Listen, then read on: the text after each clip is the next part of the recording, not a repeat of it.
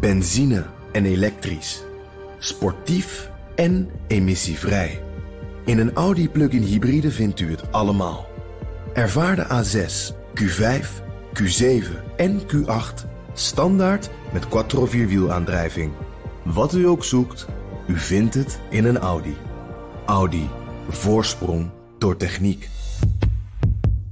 Hallo, voor je begint met luisteren, eerst even dit. Mijn naam is Ben Tichelaar en ik maak voor BNR de Ben Tichelaar podcast. Daarin spreek ik met inspirerende gasten over persoonlijk leiderschap, effectief werkgedrag en work-life balance. Vind je dat interessant? Check dan www.bnr.nl/slash Tichelaar of de bekende podcastplatforms.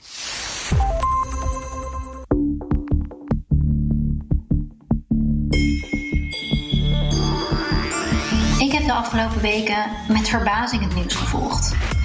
Eerst dachten we dat de gemiddelde IC-tijd van coronapatiënten 10 dagen was. Het bleek later toch drie weken, net als in China. Twee maanden geleden vonden we het afsluiten van een miljoenenstad onnodig en onethisch. Maar inmiddels is heel West-Europa in lockdown. We lachten om het apocalyptische beeld van een drone die je vermaant tot het wassen van je handen. Maar na een druk strandweekend worden ook hier drones ingezet om social distancing te handhaven. Natuurlijk weet ik ook wel dat niet alles wat de Chinese overheid zegt 100% klopt. Maar ik denk toch, moeten we de inzichten uit een land waar al duizenden zijn gestorven aan het coronavirus negeren? Moeten we hulp uit het land dat de uitbraak onder controle heeft gekregen wantrouwen? Oef, ben ik naïef? Had China veel meer kunnen en moeten doen om het virus eerder te stoppen? En zijn ze eigenlijk de grote schuldigen van deze wereldramp? Proberen ze dat nu te verbergen door het sturen van mondkapjes en het verspreiden van mooie cijfers? In deze aflevering gaan we in op de vraag: wat zijn de gevolgen van het coronavirus voor China als wereldmacht? Ik spreek hierover met Bernard Hammelburg, buitenlandcommentator van BNR, en Peter Ho, hoogleraar Chinese economie en ontwikkeling. Mijn naam is Liao Wang en deze podcast wordt mede mogelijk gemaakt door het Leiden Asia Center. En deze aflevering maken wij volgens de richtlijnen van het RIWM vanuit huis. Ja, Peter, jij bent hoogleraar Chinese economie en ontwikkeling. En je bent op dit moment ook in China, waar de economie langzaam weer op gang komt. Wat, wat merk jij daarvan in het dagelijks leven? Nou ja, uh, je ziet eigenlijk dat de straten langzamerhand weer een beetje uh, menselijker beginnen te worden. Uh, mensen komen gewoon op straat. je ziet weer fietsen, wat auto's. ja, het lijkt erop dat het normale leven een beetje, maar echt voorzichtig dan, op gang aan het komen is. Dus dat is wel, wel heel positief om te zien. Ja, ja, en Bernard, jij bent onze BNR buitenlandcommentator. Uh, nou, jij hebt ook gezien dat China uit de fase van crisismanagement aan het kruipen is. Hoe, hoe zie jij dat terug in hun gedrag op het wereldtoneel? Nou, ze spelen nu vooral weldoener. Uh, en uh, dat is een thema waar we waarschijnlijk nog wel over te spreken komen. Maar dat vind ik eigenlijk het meest opmerkelijke. Dat je een man als Donald Trump hoort zeggen dat hij uh, uh, een deal heeft gesloten of laten sluiten met een Chinese leverancier voor medische hulpmiddelen. Onder deze omstandigheden, midden in die uh, handelsoorlog, ja, dat vond ik wel even een dingetje. Dat is wel echt een moment. Ja, daar gaan we het later ook zeker nog over hebben. Um, nou, zoals we allemaal weten, ging op 23 januari de Chinese stad Wuhan in lockdown vanwege de uitbraak van een nieuw coronavirus. En kort daarna werden de maatregelen nog heftiger. Dus de hele provincie Hubei werd afgesloten. Er werden noodziekenhuizen uit de grond gestampt. Technologie werd ingezet om, om besmettingen op te sporen.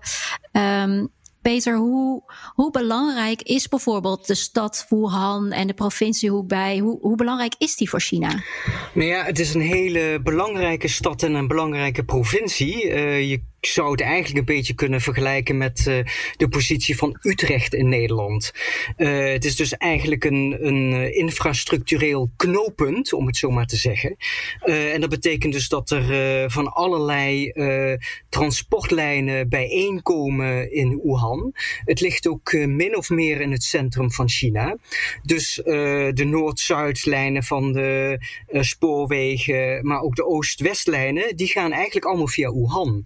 Het is een heel groot overslagcentrum. Uh, en dat betekent dus op het moment dat het toen uh, in lockdown ging, uh, ja, dat was eigenlijk alsof het hart van China in één keer dicht ging.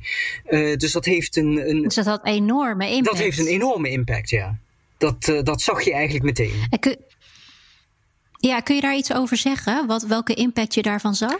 Nou ja, uh, in eerste instantie uh, direct aan uh, de, de hoeveelheid reizen. Hè? de transportsector die werd eigenlijk heel snel al geraakt. En eh, het was eigenlijk net in de periode dat het Chinees nieuwjaar was. Uh, dat is eigenlijk een periode dat heel veel mensen dan uh, ja, op pad gaan. Dat er veel toerisme is. dat mensen naar de bioscoop gaan. Nou, en eigenlijk als je de grafieken bekijkt van die periode. dan zie je dus dat er een enorme dip is op elk vlak. Uh, en ja, dat is, uh, dat is eigenlijk het, het gevolg wat je mm, toen zag en wa wat we nu heel langzamerhand misschien uh, pas echt in kaart kunnen gaan brengen wat het gaat betekenen voor de Chinese economie. Ja, dus het was super heftig. En eigenlijk op het moment dat die maatregelen werden genomen, wisten we nog niet eens hoe heftig het ging zijn. En toch werd dat gedaan. Wat, eh, wat denk jij dat China heeft doen besluiten om zo heftig in te grijpen?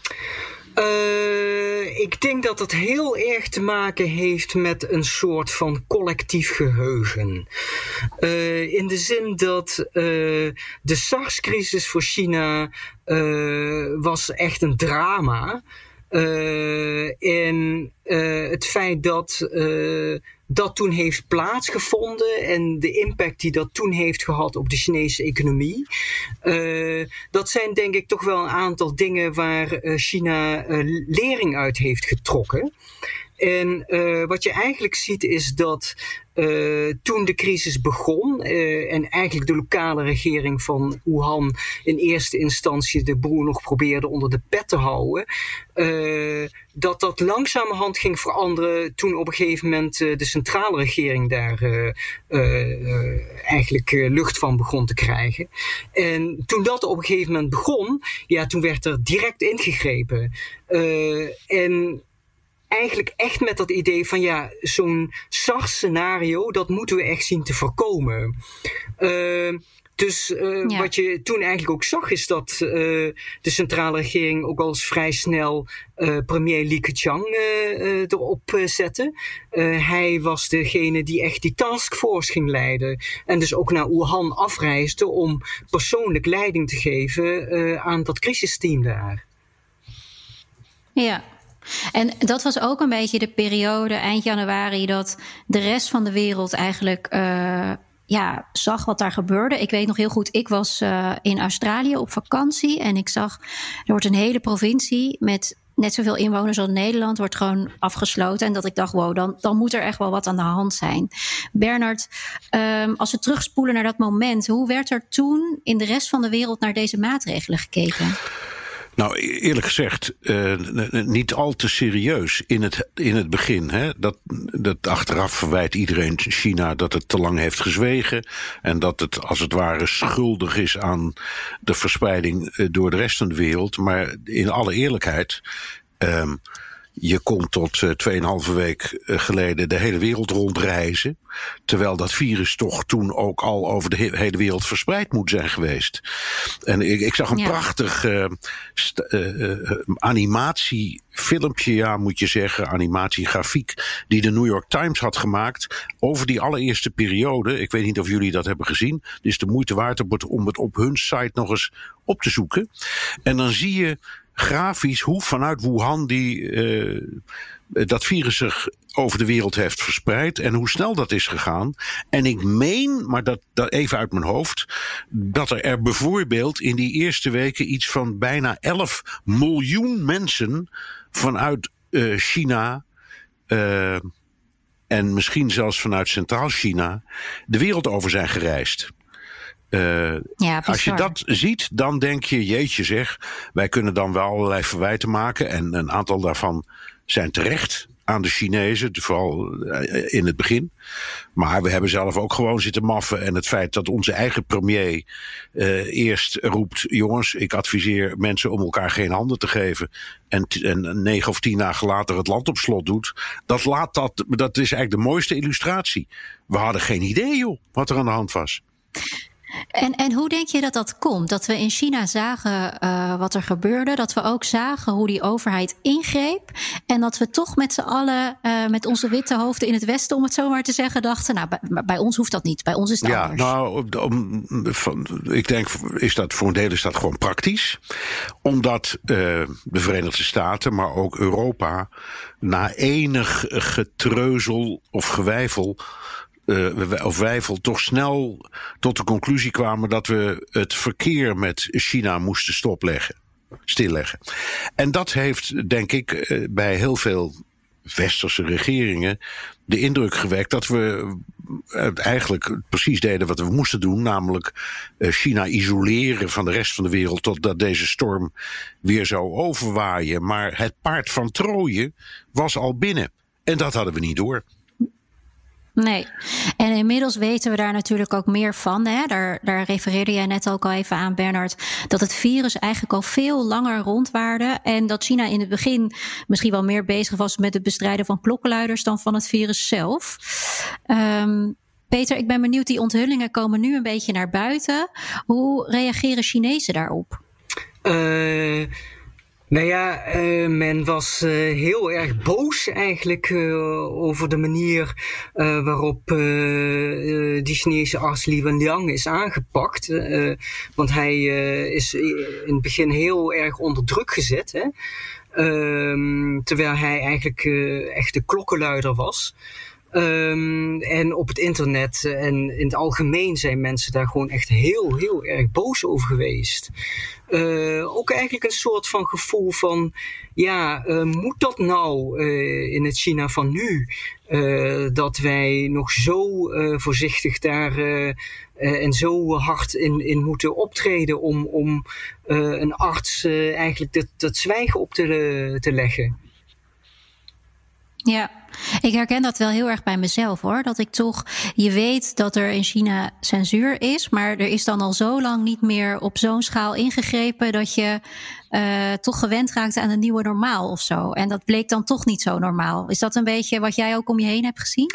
Ja, het is, het is natuurlijk zo dat deze crisis echt uh, uh, heel anders is dan we überhaupt hebben gezien. Hè? Het is ook niet te vergelijken met SARS. Uh, deze crisis grijpt veel harder in. het heeft veel meer impact op, op eigenlijk elk, elk vlak in China. economisch, sociaal. maar ja, het is, het is gewoon eigenlijk ook heel raar hè, dat China in één keer een hele miljoenenstad op slot doet. Dat is eigenlijk nooit eerder op deze schaal uh, en zo drastisch gebeurd. Um, en nee. eigenlijk doet. Ik wil eigenlijk ook weer even terugkomen op je, op je eerdere vraag. Hè, van waarom deed het Westen daar eigenlijk niks mee? Hè? Je, je ziet vanuit het Westen uh, gebeurt dit. Hè? Je, je, je, je ziet China gooit in één keer een miljoenenstad op slot. Maar in het Westen uh, ja, reageert men eigenlijk daar niet op. Uh, ik zelf vind dat eigenlijk een heel, heel interessante vraag. En ergens heb ik het idee dat het misschien te maken heeft met het feit... ah, China is een soort van ver van een bed show... Maar ergens misschien ook zo van, ja, China ligt qua politiek systeem zo ver van ons af. Uh, ja, dat, uh, dat hoeft niet bij ons. En uh, dit is een manier zoals wij nooit zouden omgaan met een crisis. En ik denk dat Italië, dat dat echt een soort van wake-up call is geweest. Hier in het Westen, omdat dat echt de eerste keer is dat men echt zag dat een westerse en een westerse democratie uh, enorm aan het worstelen is gegaan met die crisis. En uh, dat vervolgens ook zij gedwongen worden om dat soort maatregelen af te kondigen. Dat vervolgens uiteindelijk toch een soort van kwartje is gaan vallen van ja. Heeft het nou eigenlijk allemaal wel zo te zeer te maken met politieke systemen? Of is het zo dat wij nu in één keer worden geconfronteerd met iets nieuws, waar wij uh, op een manier moeten ingrijpen die wij voorheen nog nooit eerder hebben meegemaakt? En ik zelf denk eigenlijk het laatste. Bernard, kun jij ons misschien eens meenemen door hè, wat jij denkt uh, dat de gedachtegang is geweest van bijvoorbeeld onze eigen Mark Rutte? Vanaf het moment zeg maar, dat China naar buiten kwam en zei we sluiten deze provincie af, naar dat we leerden dat het eigenlijk al rondwaarde, al eerder misschien, en dat ze heel erg ook in het begin aan informatieonderdrukking uh, hebben gedaan, naar Italië, uh, ja, naar waar we eigenlijk nu zijn. Nou, het eerste wat ik denk, uh, het is een beetje out of the box als je het niet erg vindt, maar ik weet, ik weet niet of jullie dat filmpje hebben gezien dat rondgaat over die wildmarkten in China. Ja. Um, als je dat ziet, begrijp je plotseling waar we eigenlijk over praten. Dus ik denk, daar, ik, waarom zeg ik dat? Ik denk dat de eerste gedachte bij heel veel mensen, ook bij Mark Rutte, is geweest: nou, nu ze zien wat dat allemaal kan aanrichten, zullen die Chinezen wel zo slim zijn om daar eens een eind aan te maken. Dat is natuurlijk onzin, het is wensdenken. Maar het feit dat je, nou ja, dat is geloof ik eh, een Kantonese uitdrukking. Maar dat je alles met vier poten kunt eten behalve een tafel. En zo zijn er nog wat van die. of, of alles met twee poten behalve je moeder. Precies, ja, die heb ik altijd precies, geleerd. Er zijn allerlei van dat soort dingen. Dat gaat helemaal niet veranderen. Dat is overigens denk ik de oorzaak. En dat is ook het gevaar voor de toekomst. Want dat kan zo weer gebeuren. Maar de eerste gedachte bij heel veel uh, westerse, zeggen westerlingen was, nou zeg, de Chinezen zullen nu wel wakker worden. Dat gaat niet nog een keer gebeuren. Dus dat was het eerste. Uh, het tweede was, uh, goh, in zo'n dictatuur, eigenlijk een beetje meedenkend met wat Peter in feite zegt, kunnen ze heel hard ingrijpen. Ze doen die hele stad op slot. En als zij iets op slot doen, doen ze het echt op slot. Dus ja, ze houden het wel binnen. We hebben daar verder dan geen last van, waarschijnlijk. Uh, en dan ja, nog dus iets. dat ze die stad ja, op slot deden was eigenlijk een soort geruststelling. was een geruststelling van nou de Chinezen zijn een beetje laat en dat, dat nemen we ze kwalijk. Maar uh, nu ze eenmaal doorhebben hoe het is, gaan ze het ook helemaal oplossen. Dus we, we hebben daar inderdaad in vertrouwd. En dan is er nog iets dat we vaak vergeten. Um, in 2017, 18 hadden we een griepepidemie van ongekende omvang in de wereld. In Nederland zijn daar bijna 10.000 mensen door overleden. Ja. In de Verenigde Staten bijna 65.000. Wereldwijd tussen een kwart en een half miljoen. Niemand weet het precies. Met andere woorden, um, een grote epidemie die begint, is in de, de, aanvankelijk niet zo. Uh, hoe moet ik het zeggen, bedreigend in zijn uitingsvorm. Dus instituten als het RIVM, bijvoorbeeld. Uh, en dan komen we dan weer een beetje op het Nederlands denken. Die denken, ja, dat hebben we nog niet zo lang geleden ook meegemaakt. Dit kan best eens een nare worden. Zonder dat ze begrepen uh, hoe snel en hoe groot dit toeslaat. Uh, en dan is er, en dan is en dan, en dan, en dan tenslotte een enorme discussie die nog steeds woedt over de vraag of al die maatregelen wel helpen, niet veel te laat zijn, en ook die discussie over is het medicijn niet erger dan de kwaal. Uh, uh, dat alles heeft door elkaar heen gespeeld. Hè. Denk maar aan Rutte, die zelf zegt of zei dat hij helemaal het niet eens was met het sluiten van scholen, maar als het ware onder de druk is bezweken van de buitenwereld en ook van het Nederlands volk uh, om dat dan maar te doen. Dus de, ja, maar nu toch een onderzoek instelt om te kijken hoe het echt ja, zit. Precies. Dus, dus, dus ja. de reactie was, wat dat betreft, je kunt de Chinezen verwijten dat ze misschien drie weken of vier weken te laat waren. Maar wij minstens ook. Dus uh, het is een beetje de pot verwijt de ketel. Ja, wie, wie vind jij dat het beter heeft gedaan, Bernard?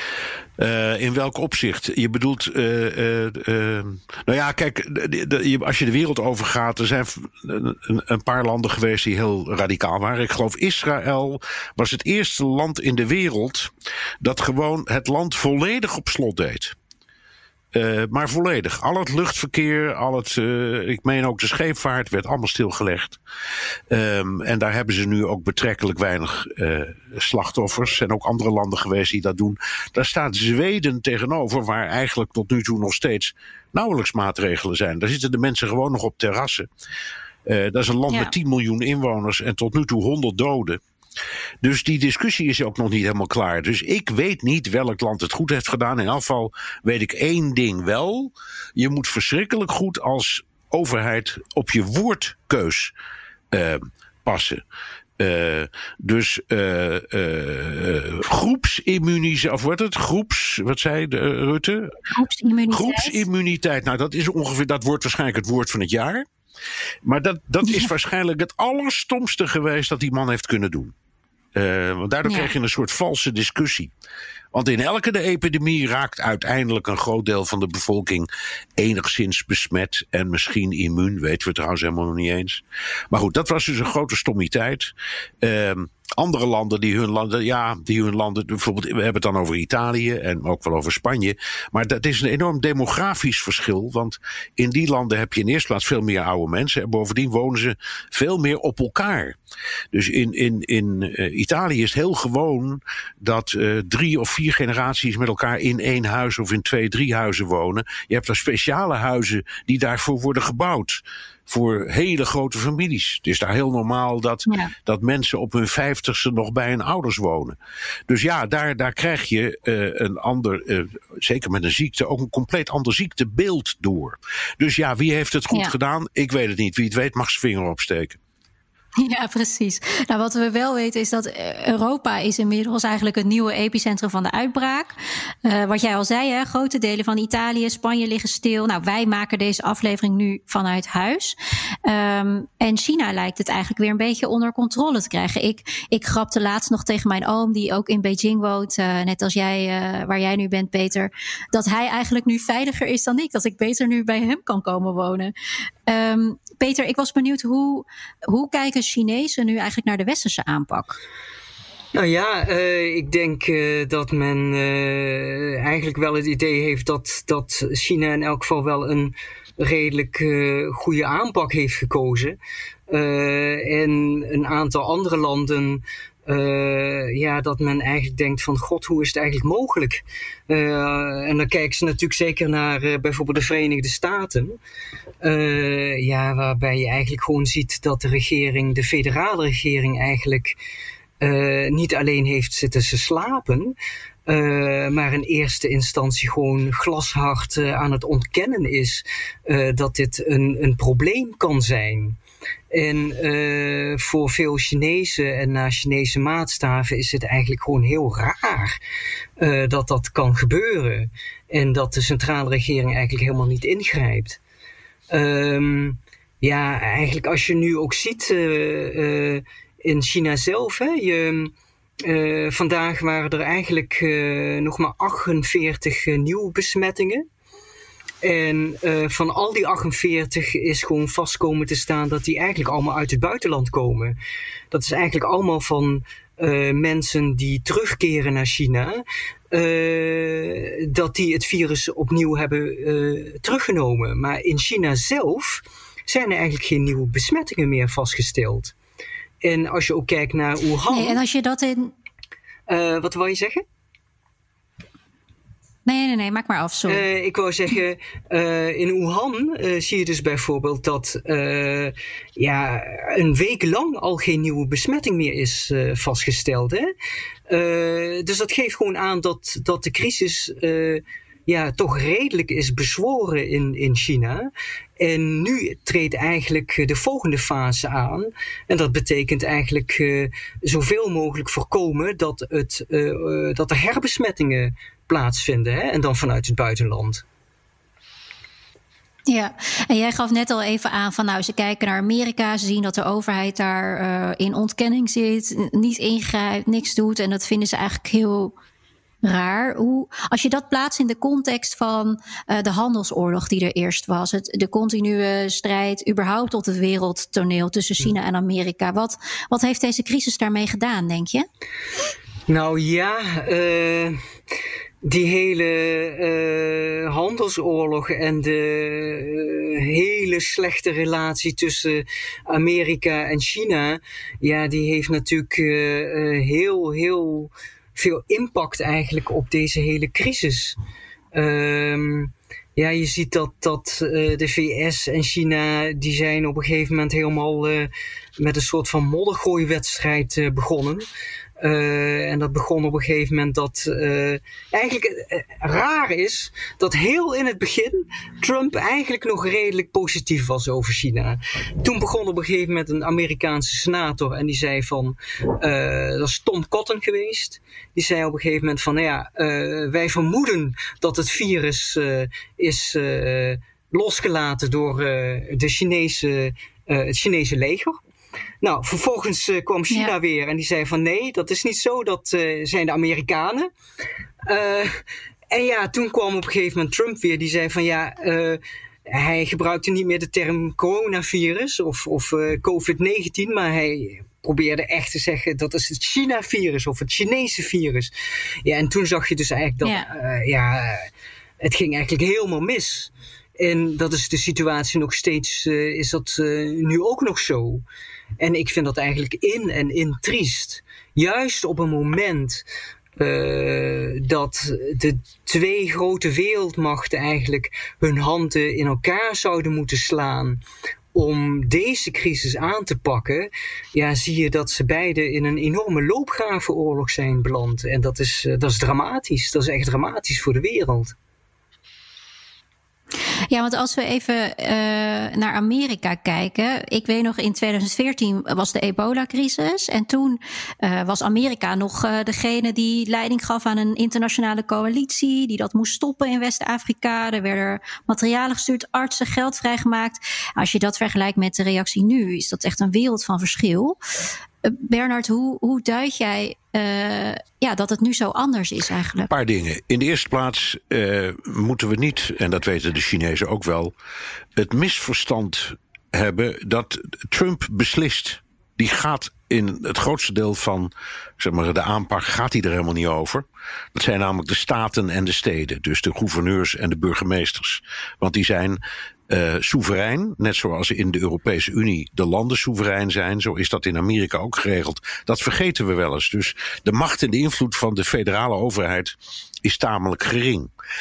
Er zit een andere kant aan, uh, namelijk leiderschap. Um, en je zou kunnen zeggen, dit is een prachtig moment voor wie dan ook. Uh, in afval voor Trump, om dat leiderschap te tonen. Maar dat doet hij dan weer op zijn hele eigen manier. Want als Trump zijn mond open doet, dat moet je nooit vergeten, praat hij uitsluitend tegen zijn eigen achterban. Nooit tegen ja. iemand anders. Dus als hij, dat heeft hij inderdaad heel lang gedaan, het over de Chinese virus heeft, dan zegt hij tegen zijn achterban: Ik kan er niks aan doen hoor dat is iemand anders. En daarna was het weer Europa. En daar is hij ook enorm tegen tekeer gegaan. Wat zijn dat nou voor bondgenoten, zeg? Hoe durven ze dat woord zelfs nog in de mond te nemen? Dus hij is geniaal in het leggen van de schuld bij anderen. En het werkt ook. Want in eigen land, in elk geval onder de Trumpisten, is zijn populariteit enorm aan het stijgen op het ogenblik. Onderschat het niet. Uh, en dat is het enige wat hem interesseert. En het is, nu, het is nu eenmaal wat wij zien. Maar gelukkig zien we ook wel heel veel beeld en geluid van Andrew Cuomo, de uh, gouverneur van New York. Die in de ogen van heel veel Amerikanen de echte held is. Want die benoemt de dingen gewoon zoals ze zijn. Die verzet zich ook enorm tegen de politisering van uh, deze hele kwestie. En zegt, we hebben nu gewoon een praktisch probleem. En wie welke fout heeft gemaakt, daar zullen we later nog wel eens over praten. Maar ik heb gewoon nu de volgende dingen nodig om de zaak op te lossen. En dat geldt eigenlijk voor de rest van de Verenigde Staten ook. Um, en daar luisteren ook wel heel veel mensen naar. Ja, en je, je merkt wel dat Amerika nog uh, heel erg intern gericht is. Hè? Dat ze eigenlijk nog bezig zijn om hun eigen probleem op te lossen. En dat ze niet, ja, om, op zo'n Amerikaans om het zo maar even te zeggen, uh, de wereld intrekken om iedereen te redden. Zoals ze misschien wel eens eerder hebben nee, gedaan. Hoewel er nu wel um, in die opmerkelijke uh, deal met Philips wel daar iets van, um, nou ja, daar iets van is te vinden. Hè. Philips is heeft een, fabriek die apparatuur maakt voor de medische wetenschap in de Verenigde Staten. En volgens de Amerikaanse wet en ook de opvatting van Trump was dus alles wat daar vandaan komt van Amerika. Uh, en Philips heeft zich, naar mijn idee, terecht op het standpunt gesteld: ja, zo, wij zitten daar wel, maar we leveren aan de hele wereld. Dat draait Trump nu ook weer om. En zegt dus: ik heb ervoor gezorgd dat de rest van de wereld mee kan genieten van mijn enorme inzet om de productie van, uh, van uh, uh, vooral beademingsapparatuur en dergelijke, om dat versneld op gang te krijgen. Dat gaat ook allemaal naar de rest van de wereld. Dus ja, eh, ja, dat is ook weer typisch. Ook dit is, nogmaals hoor, dit is alleen maar tegen zijn eigen achterban. Wat er in de rest van de wereld gebeurt, naar mijn idee, interesseert hem geen bal. En eh, Peter, in hoeverre merk je dat in China ook? Dat daar misschien uh, ja, de behoefte is om zich als wereldredder te profileren of in dat, in dat gat te springen, wat er wel misschien valt?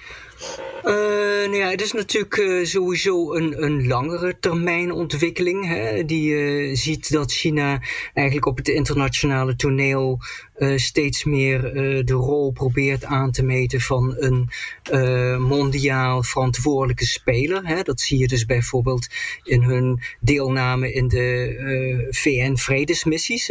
China is op dit moment de grootste donor. Het feit dat ze bijvoorbeeld een nieuwe soort van wereldbank opzetten, de in, uh, Asian Infrastructure and Development Bank. Dat zijn eigenlijk een aantal dingen waarvan je ziet dat daar zijn dingen aan het schuiven, hè, eh, geopolitiek gezien. Maar als je kijkt naar deze crisis, ja, dan zou dit misschien ook wel weer eens een, misschien zelfs een keerpunt kunnen worden. Uh, Amerika, zoals je zelf eigenlijk al aangeeft, dat is echt een wereld van verschil van een aantal jaren geleden voor Trump. Uh, nu ja, lijkt het alsof je van Amerika eigenlijk heel weinig uh, kunt verwachten. Uh, juist bij uh, een mondiale crisis waarbij mondiaal leiderschap nodig is. En wat je ziet is dat China niet alleen probeert haar imago op te poetsen, want dat zit er natuurlijk ook wel achter, maar ook probeert om echt daarop in te springen. En um, ja, misschien kan dat het begin zijn van uh, een grote verandering ook op het uh, op geopolitiek vlak. Ja, want wat denk jij dat, dat uh, voor China de endgame is? Waar, waar werken ze uiteindelijk naartoe? Naar welke rol? Nou ja, uh, het is denk ik duidelijk dat China uh, graag uh, toe wil naar de rol als wereldmacht en waarschijnlijk als eerste wereldmacht.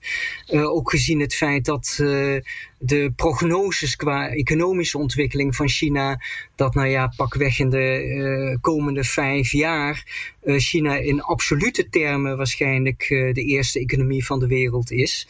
Dat is ze in relatieve termen is ze dat ook al. Hè? Um, en ja, China zal zeker, denk ik, dat als een soort van visie hebben. Uh, maar dat betekent ook dat op het moment dat je een wereldmacht bent, dat je ook de dialoog zult moeten aangaan met andere landen hoe je geopolitiek opereert. En tot nu toe, als je bijvoorbeeld kijkt wat er is gebeurd rondom die Asian Infrastructure and Development Bank, is het eigenlijk wel heel positief om te zien hoe China daarmee is omgegaan. In eerste instantie zetten ze dat eigenlijk op als een soort van unilateraal instituut. Uh, maar op het moment dat zij merkte dat het eerste grote westerse land wat zich daarbij aansloot, dat dat het Verenigd Koninkrijk was, uh, dan zie je in één keer dat zij uh, ook gaan morrelen aan die hele institutionele regelgeving van die bank. En die bank is nu eigenlijk steeds meer een soort van kopie aan het worden van de Wereldbank. En mijn inschatting is dat uh, die dialoog, die dan vervolgens aan het plaatsvinden is tussen China als opkomende wereldmacht en andere landen, uh, dat dat ertoe uh, leidt dat een soort van, ja, ook een nieuwe in internationale institutionele structuur wordt geschapen. En dat is gewoon, ja, dat is gewoon heel erg uh, fascinerend om te volgen. En ik denk dat uh, dat ook heel belangrijk is om te zien wat er nu gaat gebeuren postcrisis, hè, dus na deze coronacrisis. Uh, China is nu eigenlijk al heel snel uit deze crisis gekropen. Uh, ik denk dat het vrij duidelijk is dat zij de boel redelijk onder controle hebben. Zij zijn ook uh, voorzichtig bezig om de economie uh, opnieuw op te starten. ja, hoe China dat gaat doen, Um, op welke manier, uh, in welke fases? Ik denk dat dat uh, voor veel uh, westerse landen, dat het iets is waar zij nauwgezet naar zullen kijken. Of daar misschien iets is voor is om lering uit te trekken. dus dat is denk ik wat er ook postcrisis voor ons belangrijk is, denk ik, om te volgen. Ja, want we weten natuurlijk niet hoe lang deze situatie nog uh, gaat duren in Europa en in de VS. Maar stel je voor dat we eventjes vooruitspoelen naar het moment dat we weer uh, deze podcast kunnen opnemen in de studio. Uh, Bernard, hoe, hoe denk jij dan dat het geopolitieke landschap veranderd zal zijn? Ja, ik ga iets dwarserig zeggen. Ik geloof dat het nauwelijks is veranderd en ook nauwelijks zal veranderen. We hebben allemaal veel te veel de neiging om te denken in een hele korte termijn. Zoals nu bijvoorbeeld. Want deze crisis die duurt misschien wel lang en een aantal maanden vinden we vreselijk. Maar het is niet eeuwig. Uh, Trump wordt naar alle waarschijnlijkheid herkozen, maar over vier jaar is hij weg. Um, ik en Xi trouwens niet. Die, die zit daar waarschijnlijk in het jaar 3021 nog steeds. Um, ik geloof eerlijk gezegd dat er helemaal niet zoveel verandert in de wereld. Je kunt, als je kijkt in de geschiedenis van grote crises. Uh, kun je zien dat meestal als zo'n crisis achter de rug is, het gewone leven opmerkelijk snel uh, uh, weer terugkeert. In alle opzichten. Uh, mensen vallen onmiddellijk terug op oude mechanismes. Je hoort nu allerlei dingen over, nou we hebben hier wat van geleerd en we gaan allerlei dingen anders doen. Na de SARS-crisis heeft de Wereldgezondheidsorganisatie een protocol afgesproken over hoe snel landen melden uh, dat er misschien een uh, besmettelijke ziekte rondgaat. Nou ja, daar heeft China zich om te beginnen al niet aan gehouden. dus dat was toen. En ik denk dat je nu dezelfde dingen gaat zien. Iedereen roept, nou ja, we hebben hier veel van geleerd, er is van alles veranderd. Nou, zodra het voorbij is, dan gaan we allemaal als idioten aan de slag. Gewoon om onze eigen economieën en eigen samenlevingen weer zo snel mogelijk te laten lijken op de dag voordat die crisis begon. Dus ik, ik, ik weet ook helemaal niet of dat een somber of negatief wereldbeeld is.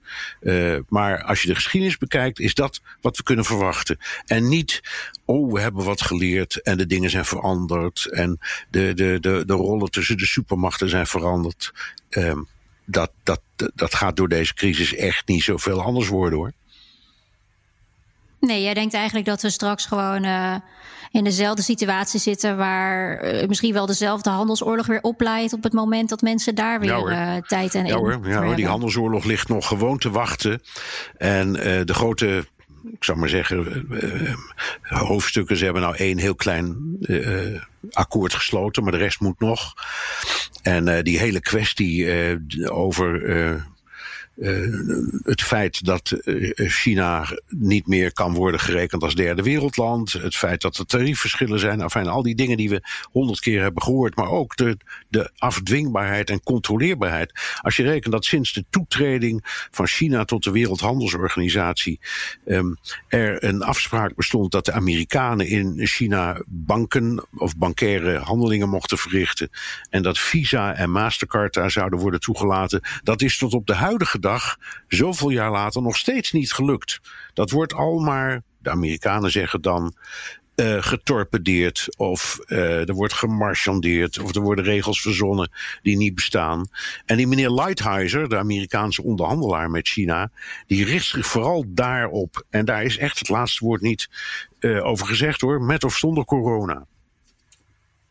Nou, en weet je wat ik bij mezelf merk? Ik, ik denk dan van, jeetje, wat, uh, wat een gemiste kans of zo. Ik, ik moet even terugdenken aan wat jij in het begin van ons gesprek zei, Peter. Van stel je voor dat deze twee wereldmachten hun handen ineen zouden slaan om deze crisis te bezweren. Of weet je, vooruitkijkend om klimaatverandering aan te pakken. Of wat er allemaal wel niet mogelijk zou zijn als we hier wel van zouden leren.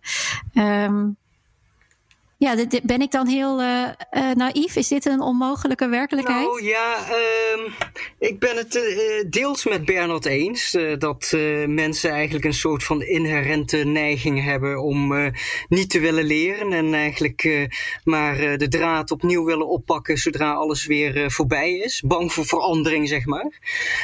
maar ik ben niet helemaal eens met het feit om te zeggen dat um, nou eigenlijk helemaal niks is veranderd en dat er helemaal niks zal veranderen na deze crisis. Uh, sterker zelfs, ik denk dat deze crisis uh, die, die lijkt nu eigenlijk in eerste instantie heel erg ook op uh, de gezondheid in te werken. Maar de economische impact is eigenlijk nog helemaal niet duidelijk. Uh, maar dat dat een enorme impact zal gaan hebben. En waarschijnlijk vele malen erger nog dan de crisis van 2007, 2008. Uh, dat lijkt mij eigenlijk buiten kijf. En um, wat dat betreft uh, zal er toch wel het een en ander gaan veranderen in de wereld. En wat je eigenlijk zag in de crisis van 2007, 2008, is dat uh, toen die voorbij was, en ook toen de eurocrisis die daarop volgde ook voorbij was, is dat je eigenlijk zag dat uh, China op heel veel vlakken daarin is gesprongen. Eh, China heeft heel veel investeringen gedaan uh, volgend na de eurocrisis. En die heeft eigenlijk uh, is ingesprongen in sectoren en industrieën die Europa eigenlijk niet meer overeind kon houden. Want China had die middelen wel. En uh, China bouwt langzamerhand uh, ook eigenlijk expertise op uh, om dat te kunnen managen. Want het heeft ook te maken met managementkennis. Op het moment dat je een, een, een fabriek overneemt, dat is niet gewoon de hardware, maar het gaat ook om het managen daarvan. En we zijn nu weer een heel aantal jaren verder. En er komt nu weer een crisis waar we middenin zitten. Uh, mijn inschatting is toch wel dat na deze crisis uh, dat veel ogen gericht zullen zijn op China van ja, als Amerika het stokje niet oppikt, uh, kan China dat dan doen? Um, ja, wie wordt dan onze nieuwe leider? Ja. Nou ja, China heeft uh, wel degelijk in elk geval de economische armslag om dit te doen. Uh, ik denk dat China wel nog een heel aantal hervormingen uh, zou moeten gaan doorvoeren, maatschappelijk en politiek gezien. maar het is wel zeker een, een, een kruispunt in de historie waar wij eigenlijk op dit moment in staan, op staan, lijkt mij. En wat Amerika uh, vaak ook over zichzelf hoor zegt, is van uh, we're the leaders of the free world. Uh, China is misschien wat minder de free world. Dus wat jij ook aangaf van nou, economisch lukt het misschien wel, maar hoe kijken we naar het politiek systeem? Bernard, in hoeverre denk je dat dit überhaupt realistisch is voor China om zo'n rol te gaan spelen? nou, ik weet niet hoe je het moet meten. Ehm, in de eerste plaats, ja, het, is, het totale bruto nationaal product wordt misschien wel groter dan dat van de Amerikanen, maar ze moeten er daar met 1,3 miljard mensen verdelen en in Amerika met 330 miljoen. Dus als je kijkt naar het inkomen per capita, ja, dan is dat in Amerika geloof ik uh, iets van 60.000 dollar en in China denk ik 12. Dus er zit nog een enorm gat, enorme uh, ruimte die moet worden ingehaald. En de Amerikanen blijven redeneren dat dat het gevolg is van vrije markten, uh, persoonlijke vrijheden, democratie, nou ja, systeem zoals wij dat in het Westen kennen. Maar ze erkennen tegelijkertijd dat China wel heel veel dingen kan die je in een democratie niet kunt. Het is, het, iedereen keek, wreef zijn ogen uit toen uh, bij het uitbreken van de crisis de Chinezen in of bij Wuhan in zes dagen een compleet ziekenhuis bouwden. Uh, en uh, ja, toen riep iedereen hier tegen elkaar: ja, dat zou je helemaal niet kunnen, want daar heb je vergunningen voor nodig. En dan moet een hele procedure en hoorzittingen. Nou, daar hebben ze in China allemaal geen last van. En het feit dat ze daar geen last van hebben, om zo maar te zeggen, het feit dat het geen democratie is. Uh, ja, dat, heeft, dat biedt bepaalde voordelen. En er zijn landen, zoals bijvoorbeeld Italië, die al heel lang. Uh, uh, op het standpunt staan dat uh, je waarschijnlijk met China als puntje bij paaltje komt beter zaken kunt doen dan met uh, Europa of met het Westen. die banden zijn heel goed. En ook nu weer, en het was ook opmerkelijk dat China, geloof ik, het eerste land in de wereld was dat hulp aanbood aan Italië toen daar de crisis echt, de coronacrisis echt ontplofte. Het zijn allemaal signalen waar je, waar je op moet letten. Niettemin blijf ik bij mijn stelling dat het, het, het leven gewoon weer teruggaat naar waar we waren de dag voor de crisis. Dus wij uh, doen deze podcast over een jaar weer. Dat lijkt me leuk om te kijken wat eruit is gekomen. Geweldig idee. Ja, ja mooi idee. Sluit ik me bij aan. Misschien ter Misschien ter afsluiting nog even uh, de samenvatting voor jullie in één zin. Um, wat zijn de gevolgen van het coronavirus voor China als wereldmacht? Bernard? De gevolgen van uh, de coronacrisis voor China zijn dat het zich, uh, nadat het aanvankelijk misschien op achterstand kwam door de kritiek, uh, heel mooi omhoog heeft weten te werken. Uh, het feit dat wij uh, Huawei wantrouwen. En nu een minister, de jonge hebben, die een tweet stuurt met grote dankbaarheid aan Huawei over de levering van 800.000, wat was het, maskertjes of zoiets. Dat is duidelijk een, een, een teken van wat er nu is veranderd. Dus wat PR betreft, denk ik dat China uiteindelijk uit deze crisis komt als spekkoper. Oké. En Peter, voor jou ook, wat zijn de gevolgen van het coronavirus voor China als wereldmacht? Nou ja, uh, wat ik eigenlijk al aangaf, hè, ik heb het idee dat we toch op een soort van kruispunt staan uh, in de geschiedenis. Uh, en dat deze crisis achteraf zal blijken een soort van keerpunt te zijn geweest, ook geopolitiek geweest, in geopolitieke termen. Um, en dat het ook betekent dat op het moment dat wij uh, als westerse landen uh, proberen uh, onze economieën op te gaan starten en in kaart te gaan brengen wat uiteindelijk de schade is geweest aan onze economieën, dat wij toch ook heel erg zullen gaan kijken van wat valt er uh, te leren aan de Chinese kant. En uh, ik hoop dat dat ook zou kunnen gaan op een manier zonder vooroordelen. En dat mensen eigenlijk kijken met een soort van onbevangen blik. van wat kun je eigenlijk leren van een dergelijke aanpak van China afgezien van het gehele politieke stelsel. Uh, want ik denk dat er toch ook een aantal lessen uit uh, te trekken zijn, uh, die losstaan van uh, je politieke bestel. Hoe je bijvoorbeeld ook omgaat met je investeringen in gezondheidszorg, bijvoorbeeld. China heeft ja. een enorme staatssector. En de staatssector is in sommige landen is eigenlijk vervloekt. Hè? Uh, maar wat je vaak toch ziet is dat op het moment dat het aankomt op crisissen, uh, dat het feit dat er een grote staatssector is en dat de overheid een grote hand heeft in uh, de markt, dat dat juist een enorme buffer kan zijn. Dat zou echt een les zijn voor mij, waarvan ik denk van ja, laten we dat toch in ons achterhoofd houden. Ja, dus China als spekkoper of China als voorbeeld voor crisismanagement. Dank jullie wel. Nou, graag gedaan. Jullie ook. Ja. Gaan we over een paar jaar terugkijken op deze periode als een keerpunt voor China? En dan richting de nieuwe wereldleider of juist richting een dictatuur die ver van ons afstaat?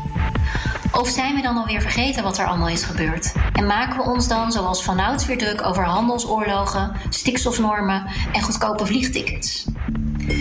Voor mij is deze tijd, naast een moment van crisis, ook een moment van bezinning. Nu ik gedwongen stilsta, realiseer ik me dat er ook dingen zijn uit mijn gewone leven waar ik helemaal niet zo blij van werd. Ik heb goede voornemens, maar dan in de lente. Misschien krijgen Bernard en Peter allebei wel gelijk. verandert de wereld inderdaad op haar eigen trage tempo, maar biedt deze crisis wel een kans om onszelf en elkaar een trap onder de kont te geven. Dus bij deze. Tot zover deze China-podcast. Dank aan mijn gasten Bernard Hammelburg en Peter Ho. Deze podcast wordt mede mogelijk gemaakt door het Leiden Asia Center. Alle afleveringen zijn terug te luisteren via bnr.nl/slash China-podcast, de BNR-app, Apple Podcasts of Spotify. Reageren? Dat kan via podcast.bnr.nl.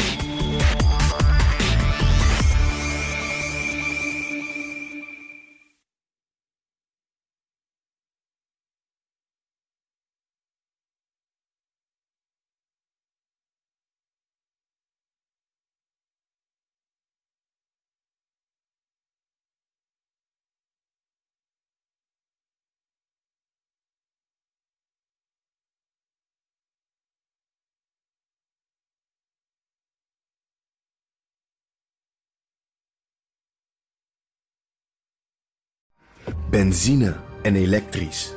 Sportief en emissievrij. In een Audi plug-in hybride vindt u het allemaal. Ervaar de A6, Q5, Q7 en Q8 standaard met quattro vierwielaandrijving. Wat u ook zoekt, u vindt het in een Audi. Audi. Voorsprong door techniek.